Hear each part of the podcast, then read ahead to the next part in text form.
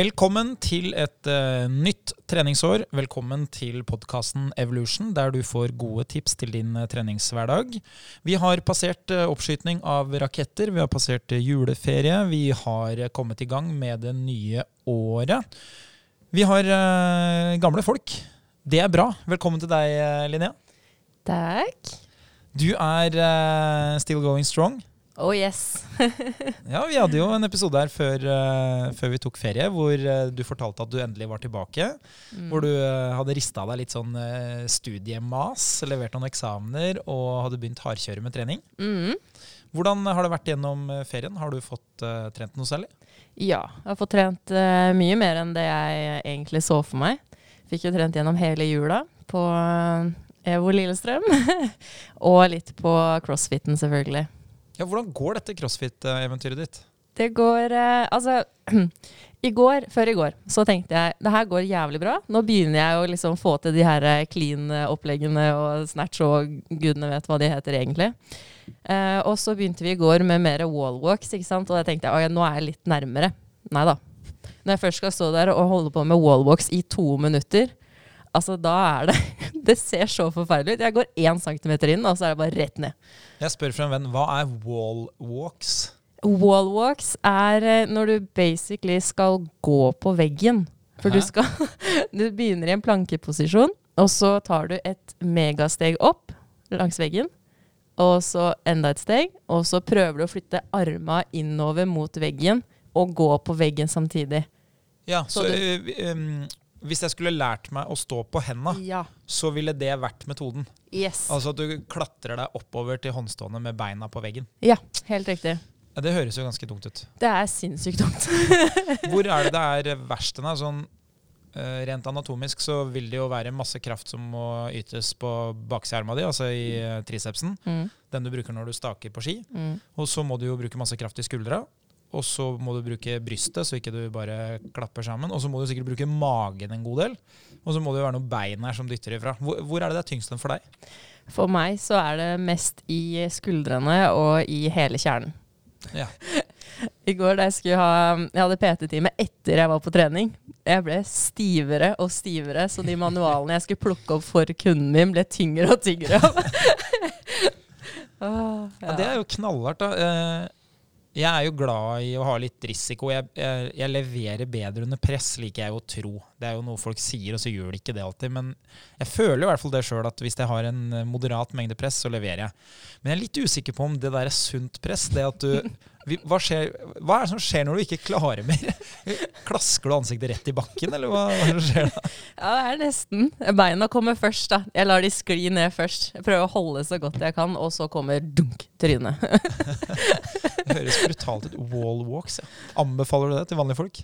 Eh, jeg anbefaler folk å prøve, i hvert fall. Prøve å stå i planken med beina litt opp på veggen. Det er litt gøy å kjenne at man får til det.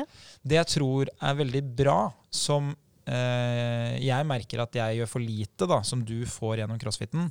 Det er jo at eh, jeg går på ski, eh, jeg løper. Så det er jo bra kondisjon. Jeg trener masse styrke, ikke sant? så jeg får på en måte de tingene jeg trenger. Men jeg har veldig lite av bevegelse som jeg hadde mye av før når jeg spilte fotball eller gjorde ting. da. Jeg gikk jo på idrettshøyskolen, hadde jo turn og dans. og Jeg flytter veldig sjelden beina mine på kryss og tvers. Det, det merker jeg. Så det å liksom være med på sånn type crossfit hvor du får testa mye forskjellige bevegelser, det må jo egentlig være veldig bra for kroppen. Mm, absolutt. Men er, du må jo være mye støl? jeg er alltid støl nå. Konstant. Jeg er blitt så bortskjemt med å trene de samme øvelsene og bare øke i tyngde, til å nå gjøre helt andre bevegelser som kroppen min bare får helt sjokk av. Så jeg, jeg, er veldig stiv og støl. Så kan vi jo legge bort den delen at du sikkert regelmessig føler deg hjelpeløs, for det ja. gjør du jo sikkert i de øvelsene òg, tipper jeg. Det gjør jeg. Alt annet enn mestring. Altså mestringsløs. men, men, for all del, det er jo et godt utgangspunkt. da. Det er jo det er jo en ting jeg har tulla med blant de kundene jeg har hatt i mange år, som jeg kjenner godt, når de kommer tilbake og sier at eh, liksom, nå har jeg lyst til å, lyst til å ta noen mål av kroppen, lyst til å veie meg, for jeg, jeg har litt lyst til å liksom, uh, gå litt inn for å gå ned i vekt her nå og gjøre det skikkelig. Og så skal de da på en måte prøve å beklage seg overfor meg om at eh, ja, det her er skikkelig dårlig. Og, Mens jeg er jo helt motsatt. Jeg er jo veldig positiv. Jeg sier jo at ja, ja, vi, vi får ikke gjort noe med utgangspunktet. Det eneste vi får gjort, er jo å bare eh, bekrefte utgangspunktet, og så får vi gjort noe med det vi skal gjøre. Og så pleier jeg å tulle og si at og jo dårligere utgangspunktet er, jo lettere blir det å skape gode resultater kjapt. Og det, det er ofte en sånn mager trøst, men samtidig er det jo en trøst. Da. Så eh, fordelen med å da være dårlig i mange av de øvelsene, er jo at du, du har kort vei da, til mestringsfølelse i, når du først begynner å få det til. Ja, det er det, da. Hva tenker du om veien videre? Veien videre eh, Jeg har jo endra litt på eh, treningsplanen min eh, framover nå. For nå har jeg lyst til å eh, bli god, god i de her baseløftene. Sterk i de her. Eh, og fortsette med å øve på smidighet. Og da tenker jeg mer tøyinger og mer bevegelser. Fortsette på crossfit. Og ikke ha fokus på muskelvekst eller ja, mer eksplosiv styrke og sånt også, da. Men um, ofte så er det jo sånn når jeg snakker med folk som begynner med crossfit, så sier de jo i starten sånn Jeg gjør det bare litt. Uh, jeg skal bare teste litt. Og så neste gang jeg møter dem, så er det sånn Jeg skal på konkurranse! Jeg skal på Nordic Throwdown! Throw up! Eh, Throw up. ja. når er det vi får se deg i en konkurranse? Nei, det, det tror jeg er lenge til, altså. Ja, Du er ikke helt der ennå. Nei, altså jeg har jo null konkurranseinstinkt, så det gir meg ingenting.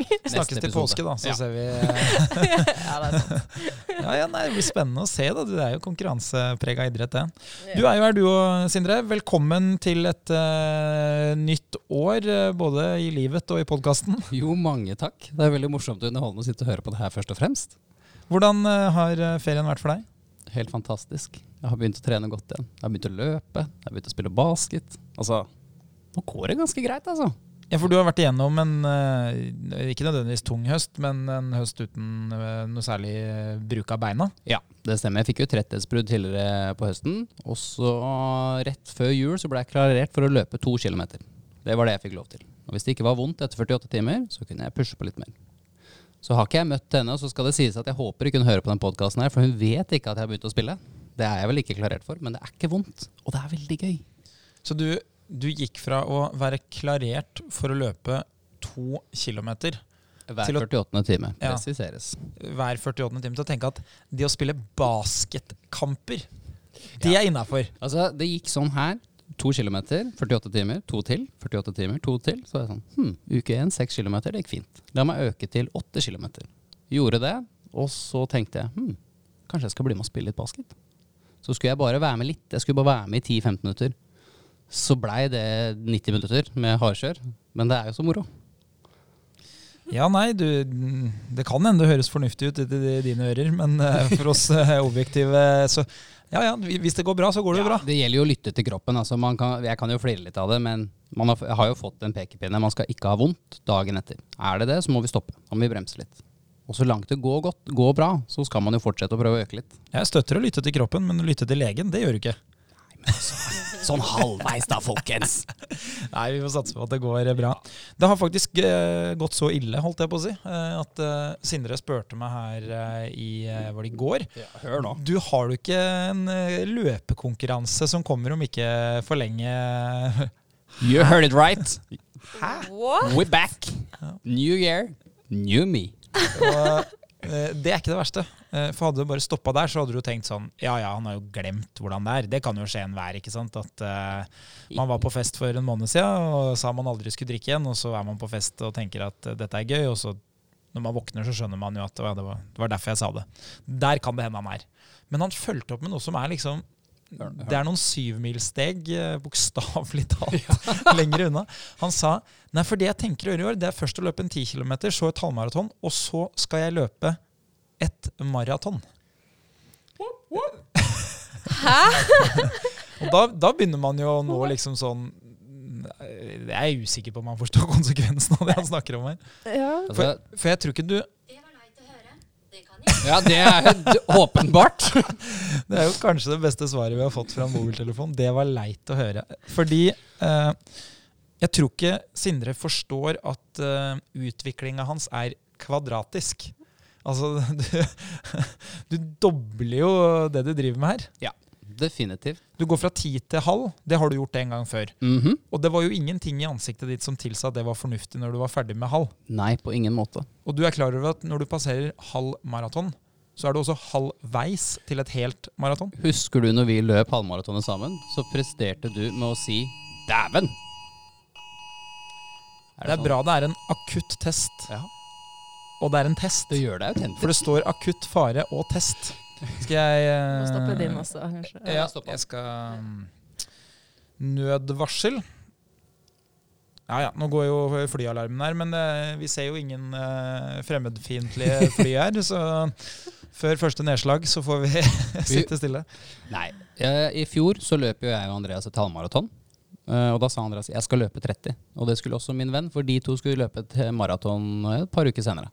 Så jeg tenkte jeg skal bli med på det. Når jeg kom til 16 km Linnea, da sa jeg rett ut til min venn Jeg klarer det ikke. Det er ikke mer å gå på. Så jeg måtte gi meg på 21. Så det må øves, det må trenes. Men jeg syns det er et ganske morsomt mål å sette meg, fordi det er noe jeg vet jeg syns er vanskelig. Hvis jeg skulle satt meg et mål nå om eksempel å skulle bli litt sterk eller spille masse basket, så syns jeg det er veldig gøy. Og nå vil jeg gjøre noe som ikke nødvendigvis er så utfordrende fysisk, men det er det jo åpenbart, men også mest mentalt. For jeg syns det er ganske tungt og drygt å skulle løpe så langt. Men den følelsen du sitter igjen med Jeg sa i starten av fjoråret at det var litt teit, at jeg ikke skulle bli en løper. Men det har blitt litt gøy. Men som din venn da, så vil jeg si at det er en jævlig dårlig idé. Takk. Sånn generelt, på generelt grunnlag. Ja. Det å løpe maraton, eh, det å like det, det er jo for særs spesielt interesserte. ja, for du er der, er du ikke det? Jo, eh, men misforstå meg rett, eh, fordi jeg liker jo å mestre noe som er veldig ubehagelig og vanskelig. Ja. Det er jo ikke sånn at jeg liker å løpe maraton. Altså underveis på vei mot ja, eh, kanskje siste kilometeren, hvis det har gått bra, da kan det hende du får fram litt glede. Men sånn på 23-24-25 km, og spesielt for de som løper på tid og har gjort det mange ganger før. Fordi da gambler man jo om det skal gå eller ikke for å oppnå best mulig resultat. Så hadde du jo sagt til meg at uh, jeg skal være med deg og løpe maraton. Det hadde jo vært en mye mer positiv opplevelse for meg, basert på forskjellen mellom deg og meg i hastighet. For, for da hadde jeg jo ikke vært usikker på om jeg tåler å løpe til mål. Ja. Så der hadde jeg jo hatt et overskudd. Jeg kunne jo sett på folkelivet. Jeg kunne jo fått med meg hvordan det går med de andre. Mens når jeg selv skal løpe, og målet mitt er å løpe så fort som mulig, så er det jo eh, Det er jo ikke før jeg er på vei inn i mål at jeg skjønner at dette kommer til å gå bra. Ja. Og så er jeg jo fornøyd etterpå da med at det har gått bra, men underveis der så er det jo eh, Det at det er usikkert, er jo fordi ubehaget er særs høyt. Så det er ikke Men det er jo det som gir mestringsfølelsen etterpå. Ja, ja, ja. Det, og det, ikke sant? det risikoen og gevinsten går jo hånd i hånd. Så Ja. jo høyere risiko du tar, altså jo fortere du løper opp mot maks, jo større gevinst får du jo i form av bra resultat. Ja. Så nei, jeg, altså for all del, jeg skal ikke svartmale prosjektet her, men eh, jeg liker jo at folk som setter seg målsetninger, forstår konsekvensen av det de gjør. Og det Ja, men det gjør jeg. Nå har jeg vært prega etter et halvmaraton og en tid. Så det må trenes mye. Men jeg har sagt i løpet av 2024. Så hvis jeg nå starter februar eller mars med å løpe en 10 km, kommer meg litt inn mot sommeren, et halvmaraton, slutten av året, et helmaraton. Så det du sier at vi skal til Valencia i desember, du er, Skal vi det? Det hadde jo vært noe. Det går helt fint. Det er jo i hvert fall den letteste løypa. Den er jo fortsatt like lang, men den er i hvert fall flat og bra vær. Det hørtes veldig bra ut. Nei, men det er greit. Eh, Det som taler for at det er fornuftig, er jo at du har løpt eh, både 10 km og halv, og du har gjort det i en periode hvor du ikke løp så mye før, så du har liksom kjent på at det er mye lenger enn det du trodde. Ja. Eh, Det som taler imot, er jo at jeg setter deg i kategorien for å være 13 år gammel gutt som skal bli fotballproff. At du sier ting nå som du ikke har peiling på konsekvensen av. Gjorde det i fjor òg, men det gikk. Nei da, for all del. Du er jo en som pleier å stå for det du sier, så det, dette her kan jo bli ubehagelig. Det kan det. Det blir det. Men morsomt skal det også bli. Men det er jo kanskje meninga òg, på en måte. Ja, Ja, ja. Nei, eh, får du til det, så blir det Birken neste. Bare fylle på. Det er liksom Ja, ja, aldri ja. nok. Nei, men det er bra. Eh, vi skal jo videre her. Vi eh, har jo en episode om nyttårsforsetter. så før vi ruller inn i nyttårsforsettene, så eh, er det jo litt sånn kjekt å, å høre, da. Eh, Linja, har du et nyttårsforsett? Eh, ja, det har jeg. Jeg har en som er pågående, som har vært pågående siden i fjor. Eh, det er jo den derre chinsen, da. Eh, den må jeg jo få til. Um, og så er det egentlig å bare sette av litt mer tid til meg selv.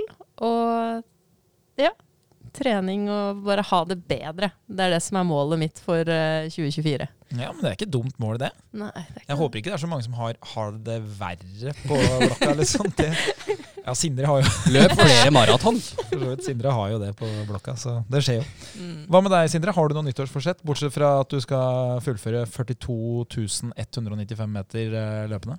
Ja, det var mye, når du sier det på den måten. Nei, jeg har ikke det. Jeg, eh, har en, jeg liker å sette meg mål når jeg har lyst til å få det til. Så hvis jeg finner ut nå, hvis jeg hadde prata med deg nå vi hadde snakka om maraton, så hadde jeg sagt at ok, da var det målet mitt nå.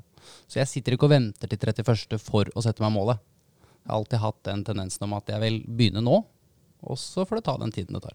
Jeg er litt sånn usikker på om jeg skal snakke om det her, fordi eh, bordet fanger jo, så alt jeg sier her blir jo på en måte veldig ekte. Det dukker jo opp folk som uh, spør meg om uh, jeg får til det jeg har sagt jeg skal få til, og som følger med. og Det glapp jo ut av meg her før jul at jeg skulle prøve å løpe 3000 km i 2023. Hvordan gikk det? Ja? Du, eh, det jeg liker jo å holde det jeg sier, da. Men eh, der òg var jo kanskje ikke konsekvenstenkinga så god. Jeg hadde jo igjen ganske mange kilometer eh, når ferien kom. Så fikk jeg jo løpt ganske lite rett før julaften. Eh, så det endte jo med da at i romjula så var jeg på fjellet fra mandag til lørdag. Og på fjellet var det jo veldig fint vær. Det var jo nypreppa skiløyper. Jeg er jo veldig glad i å gå på ski. Så hver dag den uka så gikk jeg da ikke på ski og var ute og løp. Jeg hadde jo da en eh, 22 km tur, jeg var ute og løp en 23 km tur, jeg var ute og løp en 16 km intervalløkt på en eh, sånn grus fjellvei som det ikke var noe grus på, for det var jo da is med snø på. Ene dagen var det faktisk 5 cm snø òg. Jeg hadde jo ikke piggsko med meg, det hadde jeg ikke tenkt på, så jeg hadde et par terrengsko som fungerte sånn noenlunde. Ene gangen datt jeg bare tre ganger i løpet av økta. Det var jo bra. Eh, så kom jeg jo hjem lørdag, eh, og da fikk jeg eh, to økter på mølla hjemme. Og da søndag var det jo nyttårsaften. Og da mangla jeg åtte kilometer. Da løp jeg vel sånn 10-11 kilometer, eh, tror jeg. Eh, så jeg nådde i hvert fall da målet akkurat på nyttårsaften der. Det er sterkt. Takk, takk.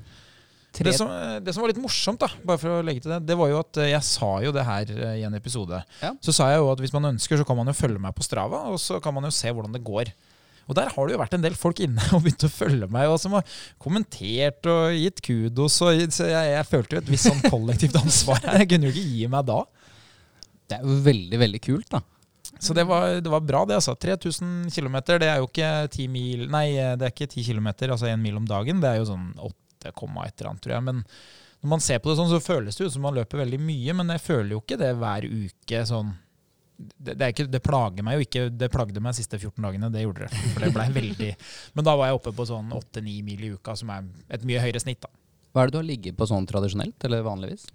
Nei, snittet tilsvarer jo da at du løper Kan det være seks mil? da? Skal vi se, hvis du har løpt Så 52 uker, da. eh, Da løper du jo 260 km Nei, 2600 km hvis du løper en femmil fem mil i uka. Ja. Men jeg løper litt mer enn det, så si at det blir sånn litt over seks. da. Nå har jeg ikke noen kalkulator her. Så, men jeg snitter jo da sikkert på nærmere syv, for jeg har jo noen perioder hvor jeg løper lite. eh, Hvis man er syk eller eh, Ja. midt på vinteren f.eks. Så si at det er en mil om dagen da, når jeg først er. Sinnssykt imponerende. Takk for det. Er det første gang du får det til? Nei, det skulle jo gjerne vært. Det er tredje gangen. Det er tredje gang. ja. Så hvis folk lurer på hvorfor man har gode resultater og løper lite for, for det høres rart ut kanskje å si det, men jeg løper jo egentlig lite sammenligna med de som gjør det veldig bra. Ja. Så er det jo kontinuitet som er nøkkelen her. At det er, det er løpt da eh, opp mot 3000 km hvert år i fem-seks år. Det er jo det som gjør eh, ja, for det er dette du har satsa mest på etter at du slutta med fotball?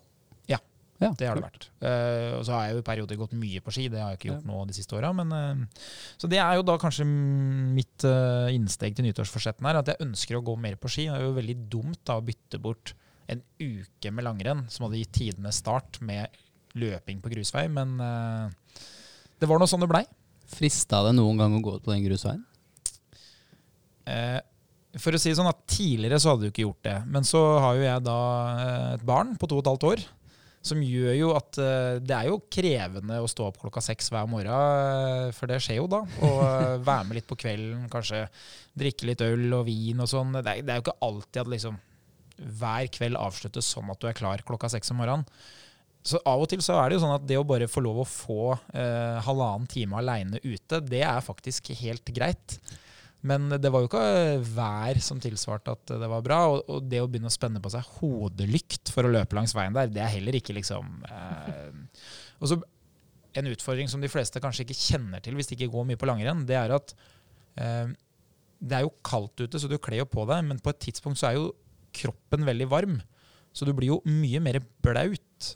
Altså Du bærer jo med deg hansker og klær og sko og lue som er relativt fuktig. Da. Så det er ikke noe sånn behagelig å drive og løpe. Så ja. Det er bedre på mølla når det, når det har vært to minus på mølla hjemme eh, når det har vært så kaldt her. Og det å da løpe i shorts og T-skjorte med hansker er jo helt nydelig, fordi jeg blir jo nesten ikke svett. Men hadde jeg jo løpt med det du hadde hatt på deg ute, så hadde jeg jo vært uh, klissblaut.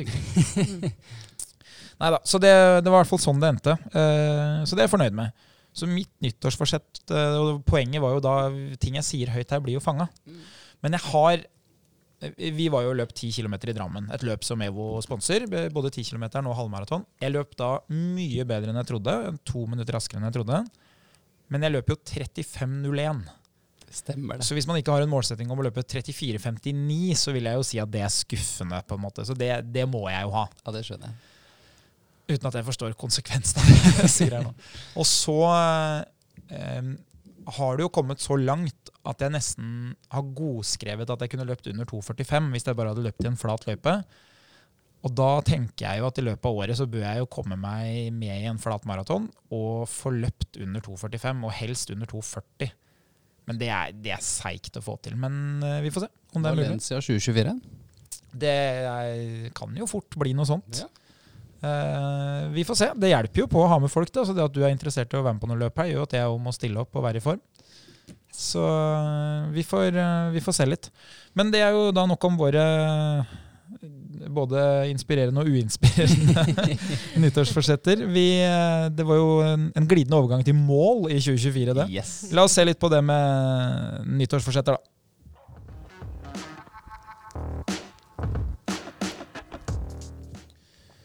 Nå står det jo at jeg er i akutt fare på klokka mi her. Eh, Der kom det igjen. Der sa du det. Så nå eh, dukker det opp en ny runde med alarmer. Og det er egentlig ganske bra, for det, mm, det så nesten litt sånn ut når jeg var på treningssenteret i stad, at alarmen hadde gått hos de fleste. Eh, på dagtid midt i uka så er det veldig sjelden det er 40 stykker og trener samtidig, men det var det altså i dag. Wow.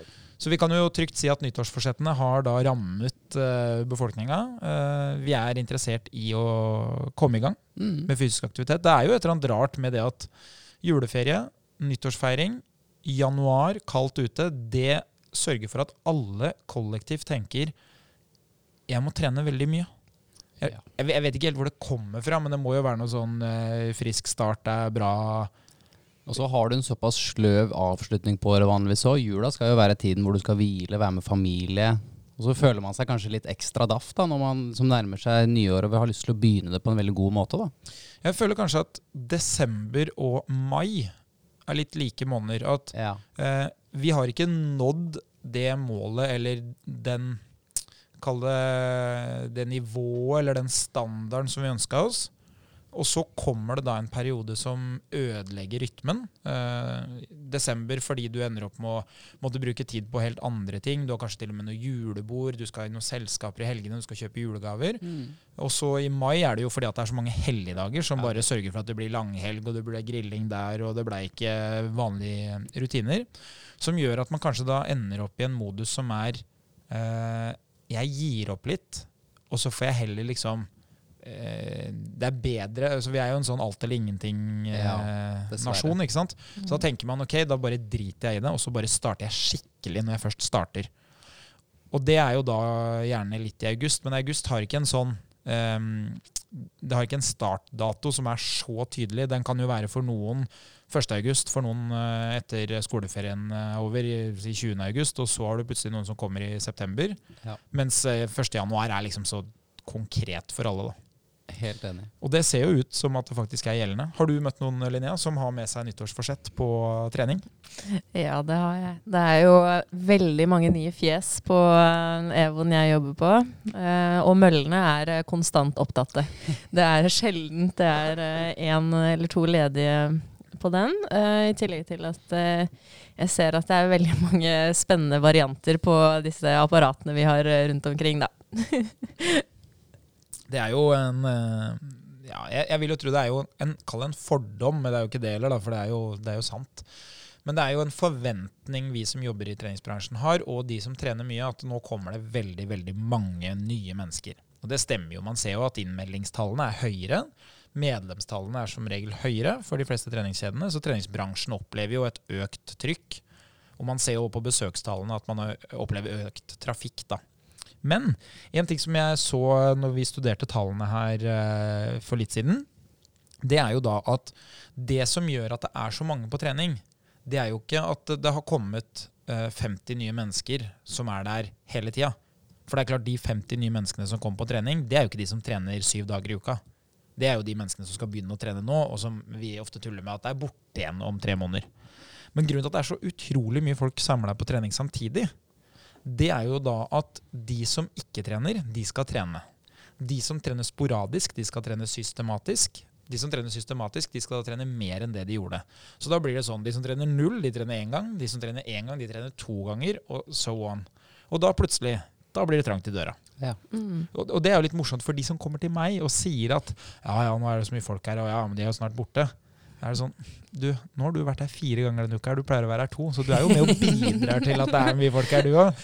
Så det er jo litt sånn morsomt. Man fleiper jo litt med og irriterer seg litt over det, men sannheten er jo at det er jo, det er jo en kollektiv brist her. Alle skal nå begynne å trene mer, liksom. Ja. Mm. Kjenner du deg igjen i det, Sindre? Ja, veldig. Eh, men så syns jeg jo på en måte det Jeg møter jo også mange som irriterer seg litt i gåsetegn. Syns det er litt sånn åh, nå er det mange nye her. Og så sier jeg men nå er det masse ny inspirasjon her. Alle som kommer inn døra nå, har lyst til å få til det de har lyst til å få til. Alle som er her, har et mål hvis du spør dem. Nesten alle, i hvert fall. Og det er jo stort sett 'jeg har lyst til å begynne å trene mer'. Det er inspirasjon. Så del det litt med hverandre. Og jeg ser det at mange av medlemmene er flinke til å støtte hverandre, hjelpe hverandre. 'Du, jeg skal ta et tungt løft. Kunne jeg fått litt hjelp?' Ja, ja, selvfølgelig. Og det syns jeg er veldig kult, og det opplever jeg mye på treningssentrene nå. At det har blitt en sånn fin treningskultur, da. Så ja. Jeg øh, har jo en del medlemmer jeg kjenner godt fordi at jeg har øh, jobba samme sted i veldig veldig mange år. Ja. Som jeg har en sånn litt fleipete tone med, ikke sant? hvor man øh, kjenner hverandre godt nok til at jeg kan tulle. da. Og da hender det at når de sier sånn til meg, og det, det kan jo være syvende året de kommer med samme tingen, ikke sant? så hender det at jeg sier sånn Du, nå har jeg fortalt deg det før. Hvis du bytter desember med januar, da hadde du vært her aleine. det, det jeg egentlig spiller på, det er jo at det var ganske ledig her i desember, men da var det veldig få her. Så hvis du bare hadde vært her da, så hadde du opplevd å trene alene. Det er jo helt Ja, latterlig. ja, og folk skjønner jo det. Så det, som regel er det ganske god, god stemning. De eh, kundene du har, Linnea, hva er det som på en måte Hva er det som står øverst på ønskelista hvis de kunne nådd nyttårsforsettene sine? Eh, jeg har jo mange forskjellige kunder. Eh, noen av dem har jo hatt et veldig fint år i fjor, hvor de trente jevnlig gjennom hele og hadde en jevn økning i styrke, som ønsker da å fortsette den i 2024. Og så har vi noen som eh, stoppa opp litt i november-desember, hvor det begynte å pøse på med både jobb og ting man skulle rekke å gjøre osv. som eh, begynner nå i januar med å si at vet du hva, nå skal vi trene tre ganger i uka, og vi skal kjøre på. Og jeg sier sånn OK, eh, skal vi prøve å sette opp litt timer, da? Og så ser vi at nei da. Vi får til én denne uka, to neste uke der igjen, og så én en gang. Så det blir litt sånn, da. Men de fleste har som mål å i hvert fall begynne å jobbe mer systematisk, og at de klarer å komme seg hit selv også. Mm. Hvis du, hvis du får inn uh, noen som ikke har uh, altså si, eh, Det er jo helt greit å ikke ha noen mål og ikke ha noen ønsker, men hvis de gir deg muligheten til å hjelpe dem, hva, hva ville du tenkt hadde vært gode mål? Altså Hvis jeg kommer til deg og sier du jeg, jeg, det er bra for meg å trene, men jeg, jeg aner ikke hva jeg skal oppnå med det. Kunne du hjulpet meg liksom hva vil, si, hva vil være et sånt minimumskrav som du tenker hadde vært fornuftig og hatt som mål?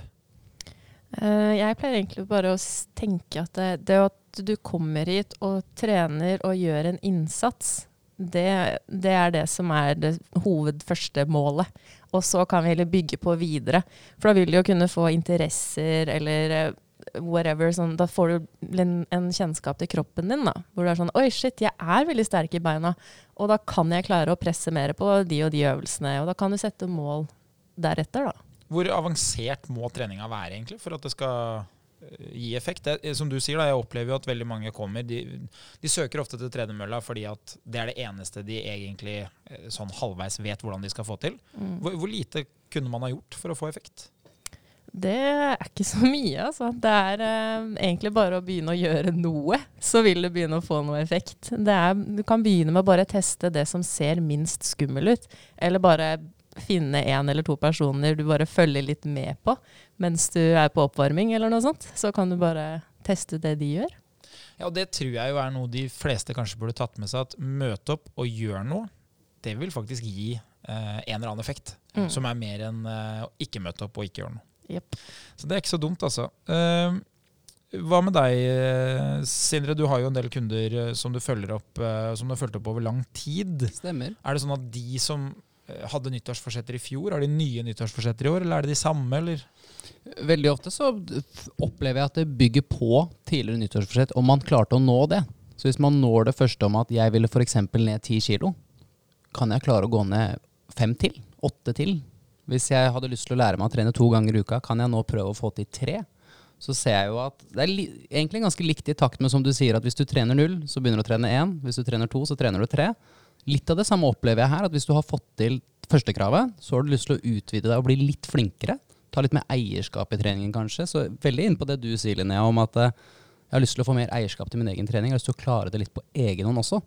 Og det syns jeg er veldig kult, men jeg opplever at vektreduksjon er jo veldig populært. Det er det jo naturligvis hvert eneste år. Eh, Så det blir jo mye trening, mye bevegelse. Prøve å liksom mestre det litt, da. Jeg har jo øh, hatt en kunde som jeg trente i veldig mange år, som er en morsom øh, kar og veldig sånn ærlig. Og øh, vi var jo enige i år tre en gang om at vi hadde, vi hadde det ultimate hat trick når det gjelder nyttårsforsetter. Fordi han lyktes med forsettene, men når dere hører hva jeg skal si nå, så skjønner dere hvordan det ble et hat trick. År én, nyttårsforsett, slutte å røyke. Det gikk bra. År to, slutte å snuse. Fordi resultatet av Å eh, å nå år én var jo at den begynte å snuse. Eh, År tre slutte å spise smågodt, som var resultatet av at han slutta. Altså det var, noen ganger så har man noen situasjoner hvor man tenker sånn Her burde det vært flere til stede. Det her er så bra. Det, det er jo så gøy da å, å, med folk som er liksom sånn herlig ærlige. da, at de liksom elsker det. ja, og det var jo gøy, og det var jo liksom, han trente jo, var jo i god fysisk form, men liksom da slutta å røyke som var bra. Begynte å snuse isteden. Ok, jeg skulle slutte med det. ok, Begynte å spise smågodt. Liksom bare, det bare balla på seg. Da. Så det blei et hat trick som vi var enige om. at liksom, ok, ja ja, Vi får jo si at vi i hvert fall har kommet oss i en retning, da. Det får vi være enige om. liksom. Så Tror du ikke mange, veldig mange der ute opplever litt av det samme? For det å røyke er jo utvilsomt kanskje det mest skadelige av de tre du nevnte nå. Og så trapper man jo litt, man blir litt flinkere, men man blir jo ikke perfekt over natta. Og ett år, sett i et langt liv, er egentlig ikke så mye. Så det er jo veldig kult hva du egentlig får til på tre år, da, hvis du ser endring i helse og treningseffekt. da. ja, definitivt. Og så vil jeg jo si sånn at uh, det, øh, hvis du ikke har en utfordring med overvekt, da, så vil det være lettere å være fysisk aktiv med et inntak av uh, godis. Ja. uh, enn det er å være fysisk aktiv med eh, røyking over mange år, da, for det skader jo lungene dine. Og eh, Utvilsomt. ja, altså, transporten av oksygen det blir jo forringa, på en måte. Og så er det jo sånn at jeg vil jo tenke instinktivt. Da. Nå er jo ikke jeg, jeg er veldig dårlig til å røyke, faktisk. Jeg har prøvd det et par ganger, men jeg er utrolig dårlig. Det er sånn at det er ikke aktuelt å festrøyke heller, for jeg sliter sånn med den det føles veldig unaturlig å skulle trekke ned i lungene, og ikke er det noe behagelig. Og jeg blir også veldig kvalm, så det er, det er noe jeg har veldig lite kjennskap til, egentlig. Men jeg vil jo tenke at det er lettere å finne alternativer til smågodt Ja. enn til røyking. Er du ikke enig? Mm. Altså, det, snus var jo tydeligvis et godt alternativ, da, men snusing har jeg gjort mye av, faktisk. Det, det, det har jeg mye bedre kjennskap til. Eh, Det var jo tross alt bakesnus som fikk meg gjennom Forsvaret. det er det ikke lenger, da. Men, eh, men det, der er det jo også vel så vanskelig å finne alternativer. Det er jo liksom ikke sånn Du, du gir ikke en krokodillegodis til en som snuser og sier liksom same, same. Det, det, er, det er ikke det samme. Så å komme seg ut av det er jo sikkert litt vanskeligere enn å, å bytte smågodt til noe annet godt, da ville jeg tenkt. Da. Så det er jo kanskje litt lengre på vei, sånn sett. Enig. Det er jo nok om uh, de tingene. Men uh, sånn generelt, da, gode nyttårsforsett, ville jo jeg tenkt at jeg ville på vegne av meg selv og de jeg eh, skal følge opp, tenkt Prien oppfylle Helsedirektoratets anbefalinger for, for fysisk aktivitet. da. Ja. Så det å liksom være eh, moderat til litt tøff intensitet, en, eh, si eh, to timer, da. To og en halv time, 150 minutter i løpet av en uke med litt styrketrening, det ville vært min målsetning. Men så er det sånn at eh, som du sier da, Linja, de fleste skal liksom brenne til. De skal ikke ha to treningsøkter hvor de da trener litt kondisjon og litt styrke. De skal gjøre det de tenker at uh, andre folk vil høre, og så skal de gjøre det de selv tenkte at egentlig var bra. Og det er jo at man må i hvert fall trene tre-fire-fem ganger i uka for at det skal bli skikkelig bra. Og det vil også gjøre at jeg raskere når det punktet hvor jeg tenker wow, dette er jeg fornøyd med. Helt sånn hårreisende. Det blir jo litt som at du, skal, du har aldri lært deg matte. Og det første du skal lære deg, er å dele og lage algebra og holde på med grafer. Det er for vanskelig, og det er for stort. Jeg tror jo dessverre at i veldig mange tilfeller av treningsplanlegging og målsetning, så er det ekstremt mange som har hoppa til slutten. Ja. Og veldig få som ser på eh, liksom, Se for deg at du skal bestille en flybillett. da. Så ok, på destinasjonen så står det Hawaii. Ikke sant? Da har du mange fine tanker om Hawaii. Det blir jo kjempebra. Det er målet med hele reisen min. Og da er det så godt som ingen som sitter og tenker på Vil det være bra eh, akkurat når jeg har flydd i ni timer og sitter i det flysetet? Det gjør man jo kanskje faktisk mer når man bestiller fly og sånn da, enn det man gjør når man tenker på trening. Jeg tror ikke det er så mange som tenker sånn Ok, gå ned ti kilo, se bedre ut. Eh, plutselig være den som ikke trenger pauser på den toppturen. Eh, kunne være med på litt volleyball når vi skal spille til sommeren. Ta av meg eh, klærne og tenke Oi, nå ser jeg på øya til de rundt meg at de tenker Wow, du har jo fått til noe. Det er ikke så mange som tenker da Å ja, benkpress, ja, repetisjon 10, det blir gøy. Løpe intervaller. Intervall nummer seks der eh, i mars, når jeg hater livet, det blir skikkelig bra. Det, det er ingen som vier de tingene en tanke. Men de som lykkes, det er jo de som liker de dagene der. Det er jo de som liker å være litt sånn hverdagshelt og OK, i dag trente jeg, hadde ikke noe lyst, fikk det til. Spente på meg skoa, løp eh, 23 km i snøværet. Den dagen, ingen verdi. Nyttårsaften kom, 3000 km. Ok, jeg kan sette meg selv på denne siden av bordet, fordi her sitter de som når målene sine.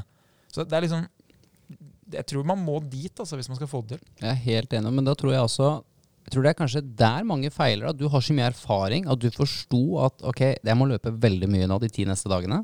Men jeg vet hva det kommer til å koste, og jeg vet verdien det kommer til å gi meg. Mens jeg opplever at veldig mange av de nye kundene jeg møter, ikke helt forstår verdien av det som kommer til å skje. Og heller ikke forstår hvor vanskelig det er å nå det målet de har. For litt sånn som vi har vært inne på flere ganger her, de vet ikke helt hvor de er i dag. Så forstår de ikke effekten av å bare begynne, da. To økter i uka, folkens. Det er over 100 økter i året. Det er ganske mye. Det kan forandre mye. Tre økter. Da er vi på 150 økter i året, altså. Altså, litt sånn stygt sagt da, så kan man si at de fortjener ikke de resultatene som de ønsker. Ja. Det er som at du er eh, ung, du er arbeidsledig, og så tenker du at du skal finne en jobb som skal gjøre deg til millionær. Helt riktig. Istedenfor at du tenker at jeg skal finne meg en jobb som betaler meg lønn, sånn at jeg har mer enn ingenting. Nettopp. Det, jeg skjønner jo at det blir sånn, for det er jo klart folk øhm, fristes jo ikke til trening for å bli dritsvett og sliten. Men det er jo det de fleste som lykkes med trening, liker. Er, jo- jeg vet ikke med deg, Linnea, men når du tenker at du skal på trening, så jeg tipper jo at du har kommet til det punktet at du, du syns jo det er litt ålreit å kjenne at du har pressa deg og herja med kroppen, liksom. Ja, jeg syns eh, den Jeg føler meg veldig heldig. Og jeg er veldig stolt av det egentlig også. At jeg har kommet til det punktet hvor at eh, jeg kan trene og slite ut kroppen og føle meg bra etterpå og underveis. Eller i hvert fall klare å ha det mindsettet med at eh, ja, det er litt eh, tungt og bittert nå, da, men det er så søtt etterpå. Så hvis man ikke på en måte kjenner eller klarer å ta til takke med den følelsen av tunghet og bitterhet, så vil man ikke skjønne hvor søtt den der pris... Eller ja, avslutningen er. Ja, for hvis jeg skal prøve å lage et eksempel, altså hvis du skal på én ukes tur, så, så vil jeg liksom skille det mellom Da har du de som putter joggesko i sekken fordi de tenker når jeg kommer hjem, hvis jeg ikke har gjort noe, så vil jeg ha så dårlig samvittighet og føle meg elendig. Men så tipper jeg at du har kommet til det punktet hvor du putter joggeskoene i sekken fordi du tenker at hvis jeg én eller flere ganger i løpet av den turen klarer å få til en økt, så kommer jeg til å føle meg så bra når jeg gjør det. Mm. Er det, er det riktig? At du liksom du, du ser en gevinst i å trene? Eh, ikke en sånn frykt for hva du føler hvis du glemmer det eller dropper det eller unngår det. da. Mm, mm. Det er helt riktig. Det å liksom gjøre det mer sånn positivt lada. Ikke gjøre sånn her, «Å, nå har jeg vært skikkelig dårlig, for nå har jeg bare trent én gang. Jeg har bare brukt de skoene én gang på turen. Altså, eller bare være Yay, jeg fikk det til! Altså, ja. Hvis, hvis man ser på sånn eh, motivasjonsteori, da, så kan man beskrive det her som en vekk ifra eller hen imot-differanse. da. Eh, og det betyr at enten så eh, prøver du å komme deg vekk fra en tilstand, altså eh, jeg må gjøre dette for å unngå å føle meg dårlig. Det er ofte en svak motivasjonsfaktor. Mens henimot, hen imot, altså at jeg ønsker dette fordi det gir meg noe, jeg får en eller annen følelse av det, det er ofte noe som er bærekraftig over eh, lang tid. da. Så eh, hvis du igjen da går tilbake til den løpinga, jeg anbefaler jo ingen å ende opp med å drive og løpe på en vei opp på fjellet. Jeg møtte faktisk to andre karer, da, så jeg nikka jo anerkjennende til de, for jeg tenkte jo at de er sikkert ute i samme ærend som meg. Like, like gærne som meg, si. Men, men det er jo ikke det nivået jeg snakker om. Men jeg snakker om eh, på en måte rammene og situasjonen som leder til det. Og det er jo at det er eh, Man blir litt avhengig eh, av å oppleve den følelsen av at man har kontroll, selv om ubehaget er stort. Mm. Så når du da vet at ok, her er det en real utfordring, det er matematisk mulig å få det til, eh, det er ikke idioti, jeg ber ikke om å bli rik i første jobben min, jeg ber bare om at uh, den jobben jeg gjør, den skal jeg få maks ut av. Så jeg visste jo sant, hvor mange kilometer jeg har igjen. Det var jo ikke sånn at jeg sa 4000 km og bomma med et hav og ble skuffa. Ja. Så jeg sa jo at jeg skal klare det når jeg visste at jeg var i nærheten. Og så eh, ender det jo opp da med at uh, det er ca. 50% sannsynlig at jeg får det til eller ikke.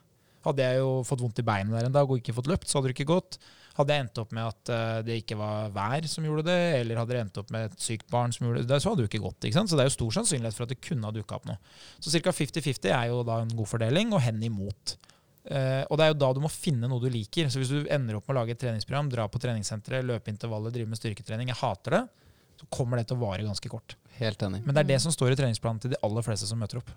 Og det er nok grunnen til at man mislykkes så i stor grad. altså. Ja. Man tenker jo at jeg må gjøre disse øvelsene fordi det er de som er bra.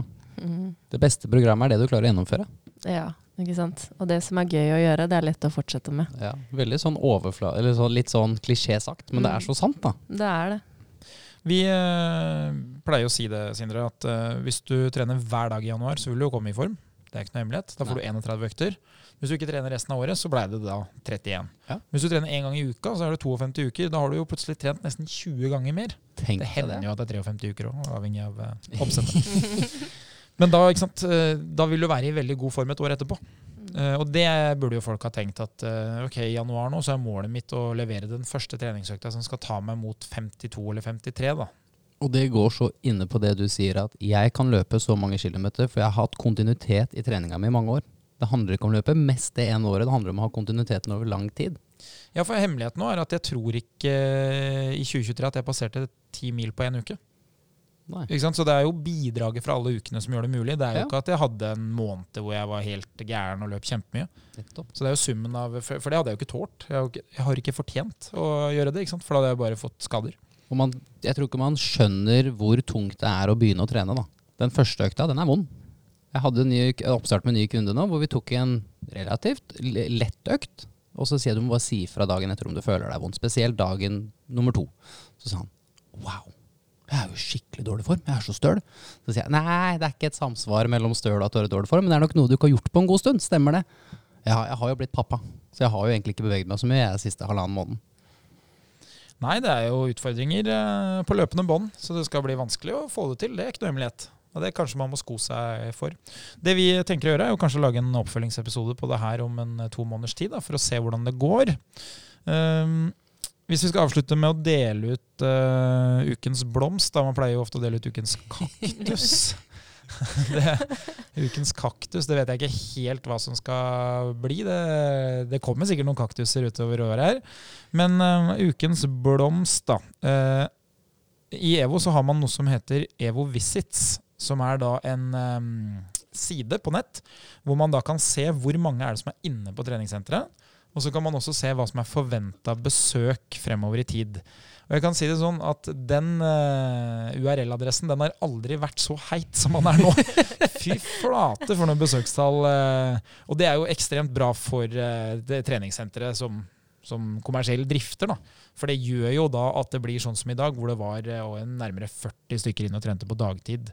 Så noe har skjedd med Norge og Norges befolkning. Det har blitt mye mer normalt å kunne trene på dagtid. Før var det jo eh, mandagene fra januar til påske som var krise. Mens nå har det liksom eh, Nå er dagtid krise òg. krise hele tida. ja, ja, ja. Nei, så det er liksom gøy. Så hvis ditt treningssenter har en sånn funksjon, så hjelper jo det selvfølgelig på at man kan liksom eh, planlegge litt. Og Hvis du ikke har det som mulighet, så var mitt tips her til et blad som eh, et, En avis, heter det. Så stilte meg spørsmålet hvis eh, man ikke har sånne teknologiske funksjoner, da ville jeg vurdert og trent kondisjon på de dagene hvor det er mest trøkk. F.eks. bare få tak i en romaskin, en mølle, en sykkel, og så kjører du hele økta der. For da trenger du ikke liksom å tenke sånn Min plan er disse ti øvelsene. Én øvelse gikk bra. Øvelse to opptatt. Ok, øvelse tre den gikk bra. Øvelse fire, fem, seks, sju var opptatt. Det blir veldig urytmisk og vanskelig. Ja. Mm. Så hvis du da liksom skal trene på kveldstid noen dager hvor du vet det er bra trøkk, så da tar du kondisjon. Og så er det helgene på dagtid. Det er et, uh, altså Hvis du drar innom på treningssenteret på formiddagen en lørdag eller søndag og trener en time, det vil jeg anbefale de fleste. For er, da er det litt roligere. Absolutt. Mm. Har dere noe mer dere ønsker å få med før jeg stopper eh, opptaket av denne episoden? Er det lov å si lykke til med ditt treningsår? Dette får du til? Ja, ja, definitivt. Uh, det beste tipset jeg har fått eh, så langt i 2024, det fikk jeg av Linnea ett sekund før vi starta, og det var 'husk å trykke på opptaksknappen'. så det er det beste tipset jeg har fått så langt, faktisk. For det, hvis ikke hadde vi vært her nå uten opptak. Skulle tatt seg det òg. Det hadde vært noe. Det ville jo vært andre gang, faktisk. Det var meg forrige gang òg. Så det. Nei, lykke til med treninga. Uh, hvis man har spørsmål, så kan man sende de inn til oss. Så skal vi uh, prøve å lage en god oppsummeringsepisode med spørsmål. Yes. Og uh, ja, sånn generelt et godt tips, det er jo da gjør noe. Gjør det jevnlig. Start litt rolig. Ja, ikke gape over for mye. Det tror jeg skal være det siste vi sier. Takk for denne gang.